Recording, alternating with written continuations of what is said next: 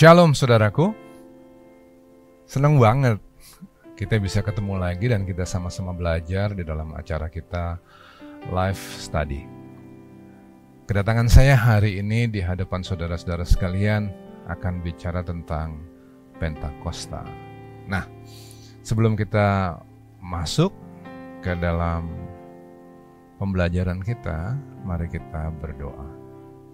Terima kasih untuk hari ini Bapa, kami siap untuk merenungkan firman-Mu, mempelajarinya, sehingga kami terus bertumbuh menjadi orang-orang yang menyenangkan hatimu. Dalam nama Tuhan Yesus kami berdoa. Amin. Belajar itu penting sekali. Karena orang yang berhenti belajar, berhenti bertumbuh, itu moto kita di dalam life study ini. Orang yang berhenti belajar berhenti bertumbuh.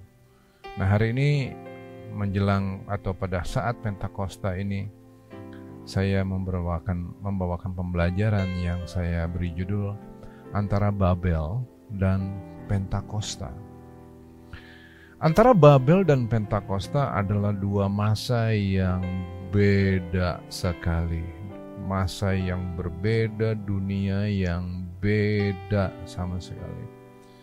Kita tahu bahwa Babel adalah pembicaraan yang ada tertulis di dalam Perjanjian Lama, sedangkan Pentakosta ditemukan dalam kisah para rasul di Perjanjian Baru. Antara Babel dan Pentakosta itu jaraknya ribuan tahun. Dua masa, dua dunia yang beda sama sekali. Tapi walaupun begitu, antara Babel dan Pentakosta sekalipun terpisah dengan waktu dan dunia yang berbeda, ada persamaan dan perbedaan yang tetap bisa kita gali untuk belajar daripadanya. Saya ini senang banget untuk eksplorasi perjanjian lama karena bagaimanapun kitab itu adalah fondasi dari seluruh tulisan yang kita temukan di PB. Gini loh, ibarat sebuah pohon ya. PL itu adalah akar dari PB. Bayangkan apa yang terjadi pada sebuah pohon ketika pohon itu nggak punya akar. Waduh, maka pohon itu nggak akan punya fondasi yang kuat kan. Ketika angin datang, dia bakalan rubuh. Tanpa akar, pohon itu juga nggak mampu loh untuk cari air yang jadi makanannya, maka dia bakalan jadi kering kan. Demikian juga kita. Kita ini diharap untuk jadi pohon yang kuat. Tentunya kita harus suka terhadap PL sehingga kita punya fondasi yang kuat di dalam PB dan kita juga bisa bertumbuh gemuk kuat di dalam Tuhan. Jadi hari ini kita mau bikin perbedaan dan persamaan antara Babel dan Pentakosta, antara Babel dan Pentakosta. Nah, saya mulai sedikit-sedikit ya, kayak kupas bawang gitu, saya kupas bawang sedikit-sedikit. Karena kita harus tahu konteks dulu. Kalau kita ngomong bicara tentang Babel, kita harus tahu konteksnya dulu. Ya, saya mulai dari cerita tentang air bah dulu. Setelah air bah besar yang binasain kehidupan di bumi, Tuhan Allah bikin perjanjian dengan Nuh dicatat dalam kejadian 9 ayat yang ke 13 sampai 16. Dikatakan begini. Busurku kutaruh di awan, supaya itu menjadi tanda perjanjian antara aku dan bumi. Apabila kemudian kudatangkan awan di atas bumi, dan busur itu tampak di awan, maka aku akan mengingat perjanjianku yang telah ada antara aku dan kamu, serta segala makhluk yang hidup, segala yang bernyawa, sehingga segenap air tidak lagi menjadi air bah untuk memusnahkan segala yang hidup, firman Tuhan. Jika busur itu ada di awan, maka aku akan melihatnya, sehingga aku mengingat perjanjianku yang kekal antara Allah dan segala makhluk yang hidup, segala makhluk yang ada di bumi. kata busur dalam ayat-ayat yang barusan kita baca itu asalnya dari kata Ibrani keshet. Dalam bahasa Inggrisnya a weapon for hunting, alat yang dipakai untuk berburu, or a weapon for warfare, alat yang dipakai dalam kondisi perang. Ini seperti busur yang dipakai Esau ketika dia berburu, kejadian 27 ayat 3, atau yang dipakai oleh Daud ketika dia berperang, 2 Samuel 22 ayat ke-35. Gitu. Nah, dalam beberapa terjemahan, kata busur itu diterjemahkan sebagai rainbow, sebagai pelangi. Lai terjemahkan ke dalam bahasa Indonesia tetap seperti bahasa aslinya yaitu busur. Kenapa kita mesti bicara tentang busur di sini? Kenapa apa yang menarik di situ? Yang menarik adalah pelangi itu seperti dikatakan oleh firman Tuhan, pelangi itu seperti sebuah alat perang yang digantung di langit. Radin, bentuk pelangi digantung di langit. Gitu ya. Tapi perhatiin juga tentang ke mana arah busur itu? Ke bumi kah? Kalau ke bumi bentuk pelangi seperti ini. Atau ke surga? Kalau ke surga bentuknya seperti ini. Jadi itu busur diarahin ke surga sebagai bukti bahwa Allah sudah berdamai. Alat perang Allah udah nggak ditodongin lagi ke bumi, tapi ditodongin ke dirinya sendiri di surga. Itulah perdamaian antara Allah dengan seluruh umat manusia di zaman Nuh. Bahwa Allah tidak akan pernah lagi menghadirkan air bah untuk memusnahkan manusia. Nggak ada lagi kemarahan dari pihak Allah. Dia sudah berdamai dengan seluruh ciptaannya. Saya ulangin, maka aku kata firman Tuhan akan mengingat perjanjianku yang telah ada antara aku dan kamu serta segala makhluk yang hidup, segala yang bernyawa, sehingga segenap air tidak lagi menjadi air bah untuk memusnahkan segala yang hidup. Kejadian 9 ayat 15. Bukankah Allah adalah pribadi yang pasti penuhi perjanjiannya, penuhi janjinya? Jawabnya, ya. Allah tidak akan pernah mengingkari janjinya. Amin. Gak bakalan aja Allah melupakan janjinya. Nah, problem mulai timbul tapi karena rupanya setelah kejadian air bah itu ada sekumpulan orang yang menetap di dataran yang disebut dengan dataran Sinar. Dataran ini adalah suatu area yang sekarang kita kenali sebagai Babilonia, yaitu wilayah di dalam Syria sekarang ini. Kenapa kenapa apa masalahnya? Kenapa masalahnya? Mereka yang menetap di sana di Babilonia di daerah Syria ini meragukan Tuhan. Mereka khawatir jangan-jangan Allah nggak ingat sama janjinya. Dan suatu kali nanti jangan-jangan Allah kilaf. Kok Allah kilaf? Cara berpikir apa seperti itu? Tapi itulah yang terjadi di antara mereka. Mereka khawatir, mereka takut Allah kilaf dan suatu kali nanti Allah kirimin air bah lagi yang bisa membinasakan mereka. Jadi karena mereka takut, they play God. Mereka berpikir bertindak seolah-olah mereka Allah. Apa yang mereka bikin? Mereka bikin menara dengan dua tujuan. Satu, membangun nama bagi dirinya membangun egonya sendiri, membangun kesombongannya sendiri, bertindak seolah-olah mereka adalah Tuhan. Itu tujuan pertama. Tujuan keduanya supaya mereka jangan pernah terserak lagi. Mereka kepengen jadi seperti Allah yang ngatur segala sesuatu. Awalnya dari curiga, ya ampun, curiga sama Allah, kemudian mereka bertindak seolah-olah mereka Allah, Istilahnya mereka membangun nama bagi diri mereka sendiri supaya mereka tidak terserak. Aduh. Babel jahat benar. Ini ditulis dalam kejadian 11 ayat 5. Marilah kita dirikan bagi kita sebuah kota dengan sebuah menara yang puncaknya sampai ke langit. Dan marilah kita cari nama supaya kita jangan terserak ke seluruh bumi.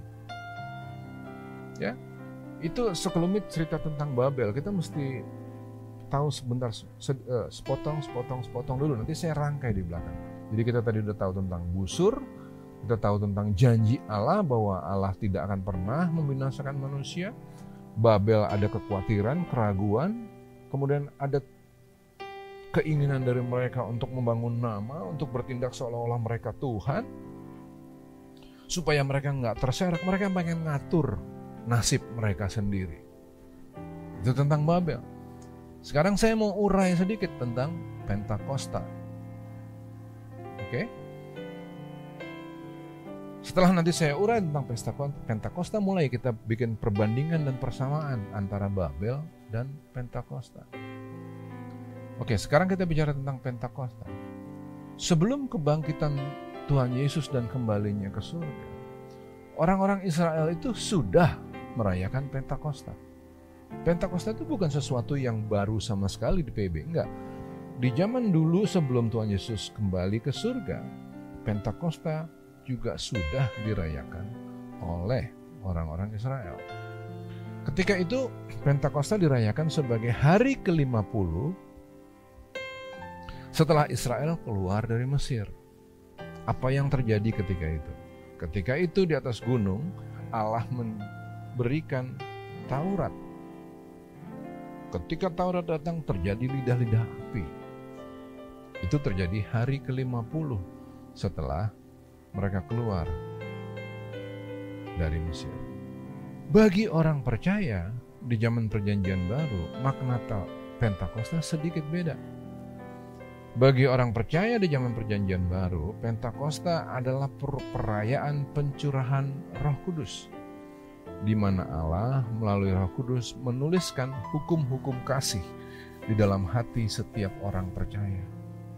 Sehingga orang percaya itu mampu mengenal dan menyerupai Yesus.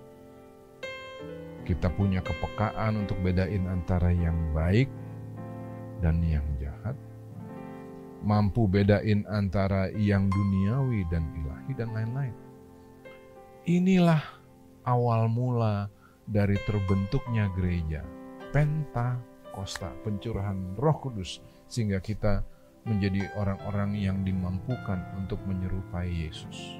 Kemudian inilah gerakan inilah yang membentuk gereja. Oke. Mulai yuk kita bikin persamaan dan perbedaan antara Babel dan Pentakosta. Babel bicara tentang kesombongan. Mereka pikir mereka bisa seperti Allah mereka pikir mereka bisa menjangkau Allah. Dan yang paling parah, mereka bikin nama bagi dirinya sendiri. Ini dia orang-orang yang hebat. Orang-orang yang bisa ngatur hidupnya sendiri. Orang-orang yang seperti Allah. Egois Segala sesuatu asalnya dari aku untuk kepentinganku.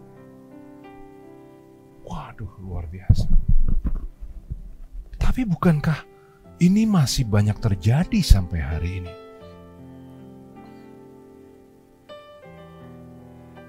Manusia itu sombongnya luar biasa loh.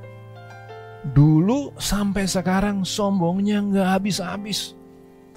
Bahkan agama pun dari zaman dulu sampai hari ini dibang, dipakai oleh manusia untuk bangun nama bagi dirinya. Mereka kepingin kelihatan saleh lewat agama. Kelihatan pemurah. Padahal ibadah yang mereka lakukan ditujukan cuma supaya membangun nama bagi dirinya. Supaya mereka keren Saya harap ini nggak terjadi di antara Bapak Ibu dan saudara-saudara yang menyaksikan acara ini. Saya harap ini hanya suatu kejadian apa ya kejadian yang tidak terjadi. Ini cuma sekedar hikayat cerita dan dongeng. Tapi banyak banyak loh. Hmm, gini deh, mudah-mudahan tidak terjadi deh. Nggak ada orang-orang yang egois hari ini yang sombong, yang rasa dirinya Tuhan. Mudah-mudahan nggak ada. Tapi Alkitab pencatat ada. Sehingga Tuhan pernah marah, marah besar sama manusia di zaman itu yang membangun nama lewat agama.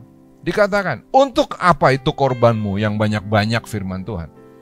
Aku sudah jemu akan korban-korban bakaran berupa domba jantan dan akan lemak dari anak demu sorry, dari anak lembu gemukan. Darah lembu jantan dan domba-domba dan kambing jantan tidak kusukai. Apabila kamu datang untuk menghadap di hadiratku, siapakah yang menuntut itu daripadamu? Bahwa kamu menginjak-injak pelataran bait suciku. Agama bisa biasanya bicara tentang persembahan, bicara tentang banyak hal, syariat-syariat, aturan-aturan, larangan-larangan, suruhan dan kebolehan. Tapi Tuhan katakan, siapa yang ngajarin itu? Bahkan ketika orang-orang itu datang ke baitku, ke rumahku sendiri, aku nggak happy. Aku ngelihatnya mereka justru menginjak-injak rumahku, kata Tuhan. Jangan lagi membawa persembahanmu yang tidak sungguh, sebab baunya adalah kejijian bagiku. Aku benci melihatnya. Semuanya itu menjadi beban bagiku. Aku telah payah menanggungnya. Apabila kamu menadahkan tanganmu untuk berdoa, aku akan memalingkan mukaku. Bahkan sekalipun kamu berkali-kali berdoa, aku tidak akan mendengarkannya. Sebab tanganmu penuh dengan darah. Yesaya 1 ayat 11 sampai 15. Banyak orang yang ngelakuin ritual agama datang kepada Tuhan bukan untuk menghormati Allah. Bukan karena mereka cinta kepada Allah, tapi supaya mereka tidak dilaknat Tuhan. Itu aja pikirannya, supaya mereka jangan sampai suatu hari dikirim ke neraka. Supaya mereka bisa nikmatin hidup yang nyaman. Ya ampun. Pada hari Pentakosta ini saya mengajak kita semua untuk mengingat lagi. Busur itu udah dibalik busur itu diarahkan kepada dirinya, Tuhan sudah berdamai dengan manusia. Hati Tuhan bukan Tuhan yang senang melaknat, mengirim manusia ke neraka. Enggak, enggak, enggak, enggak. Bukan begitu. Sehingga kalau kita datang kepada Tuhan hari ini di dalam semangat Pentakosta, jangan pakai semangat orang-orang di Babel, orang-orang di zaman Yesaya yang datang dengan sombong, datang dengan tujuan bukan untuk mengasihi, menghormati Allah, tapi justru untuk membangun nama bagi dirinya supaya mereka kelihatan saleh dan benar. Tuhan gak suka yang begitu. Di sisi sekuler, semangat banyak orang juga sama. Tadi dalam sisi agama, semangat orang untuk membangun nama. Tapi di secara sekuler dalam pekerjaan sehari-hari semangat ini juga sama. Yang dipentingkan oleh banyak orang adalah mengenai makanan, minuman, mobil, dan lain-lain. Padahal firman Tuhan berkata, Sebab kerajaan Allah bukanlah soal makanan dan minuman, tetapi soal kebenaran, damai sejahtera, dan sukacita oleh roh kudus, Roma 14 ayat 17. Tapi semangat dunia hari ini adalah untuk perlombaan, mencukupkan kebutuhan diri sendiri Orang miskin berusaha supaya mereka dapat uang cukup untuk hidup layak. Ketika mereka hidup udah layak, adakah Tuhan di dalamnya? Belum tentu. Karena berikutnya yang dicari ketika mereka layak, mereka kepingin lebih nyaman. Oke, ketika udah lebih nyaman, apakah ada Tuhan di sana? Apakah sekeliling menerima manfaat, menerima berkat dari kita? Kasihlah Tuhan Allahmu dengan segenap hatimu. Tapi kasihilah sesamamu manusia. Sehingga ketika kita menjadi hidup hidup kita menjadi layak, harusnya kita menjadi saluran berkat. Tapi banyak orang yang nggak berpikir begitu. Ketika mereka layak, mereka kepingin hidup mewah. Mereka cuma datang kepada Tuhan ketika mereka mentok. Berharap uluran tangan Tuhan untuk jauhin hambatan supaya mereka bisa hidup nyaman lagi. Bahkan kalau bisa mewah lagi. Nah, ketika semangat Babel seperti itu, ada kesombongan di dalamnya, usaha untuk membangun nama bagi diri sendiri. Tuhan tunjukin dirinya sebagai Allah yang berdaulat dan berkuasa. Dia kacau semua bahasa dan ia menyerakkan mereka. Itu semangat Babel banget. Tuhan gak suka. Kenapa hari ini kok masih ada semangat-semangat Babel ini? Saya berdoa supaya Bapak Ibu Saudara-saudara sekalian tidak lagi memiliki semangat Babel Nah, semangat Pentakosta seperti apa? Pentakosta terjadi ketika para murid setia dengan pengajaran Tuhan Yesus. Mereka kepingin jadi seperti Yesus. Itu semangat yang pada saat itu dihidupi oleh para murid. Mereka ada waktunya, mereka takut memang, takut banget di zaman itu. Ketika Tuhan Yesus mati dan naik ke surga mereka takut banget. Mereka pernah punya mimpi bahwa suatu saat nanti Tuhan Yesus akan jadi raja di bumi. Memulihkan kejayaan kerajaan Daud. Dan mereka berharap kalau Tuhan Yesus jadi raja, mereka duduk di sebelah Tuhan Yesus jadi menteri-menteri. Sekarang semuanya tiba-tiba sirna. Mimpi-mimpi itu kayak dicabut dari akarnya. Dan mereka dipermalukan luar biasa. Tapi perhatiin dalam semangat Pentakosta, ketakutan itu nggak bikin mereka pengen bikin nama bagi dirinya sendiri. Seperti dulu dilakukan oleh orang-orang di zaman Menara Babel. Nah, ketika mereka hidup tidak untuk dirinya, ketika justru mereka kepingin seperti Tuhan Yesus, terjadilah kejadian yang luar biasa. Ya, ingat Babel, ya? Babel ada kesombongan, terjadi kejadian yang luar biasa apa? Tuhan hancurin bahasa, terserak mereka. Di zaman Pentakosta juga ada kejadian yang luar biasa. Tapi kejadian itu terjadi ketika para murid tidak berpikir untuk dirinya, tidak hidup untuk dirinya. Mereka justru kepingin seperti Yesus. Terjadilah kejadian yang luar biasa juga. 180 derajat beda dengan yang Tuhan Allah lakukan kepada Babel.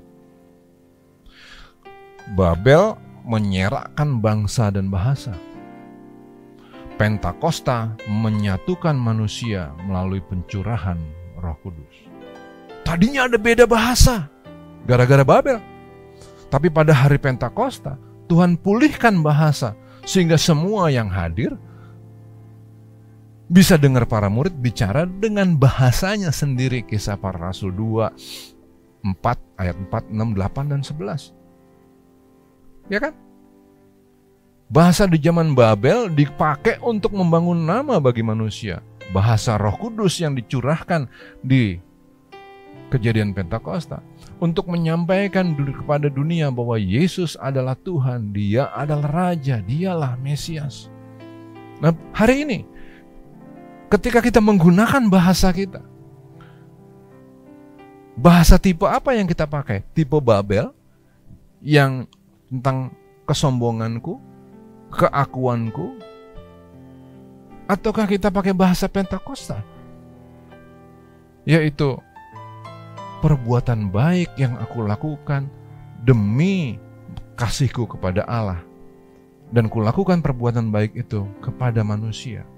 Bahasa mana yang kita pakai? Untuk kepentingan siapa kita bicara? Apalagi yang bisa kita pelajarin? Babel membuat kebingungan dan perpecahan. Pentakosta membawa damai. Kecurigaan manusia bahwa Allah melupakan janjinya cuma bawa manusia bingung dan pecah.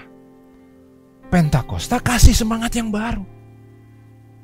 Pentakosta mengingatkan kita lagi, busur itu sudah digantung. Busur perang itu diarahkan kepada dirinya sendiri di surga dia mendamaikan. Nah, kalau dia mendamaikan, apakah kita hari ini juru damai? Apakah keluarga kita happy kalau kita di rumah? Istri, suami, anak-anak, om, tante, kakek, nenek, mertua kita, apakah mereka happy berinteraksi sama kita? Karena bahasa Pentakosta adalah bahasa pendamaian. Kalau kita berbahasa Pentakosta, kalau kita memang menerima Roh Kudus, jadilah juru damai. Apakah kita membawa berkat untuk sekeliling kita? Ataukah justru keberadaan kita membawa semangat Babel yang membawa perang? No, no, no. Kita harus datang dan hadir di sana dan membawa damai kepada semua orang karena itulah semangat Pentakosta.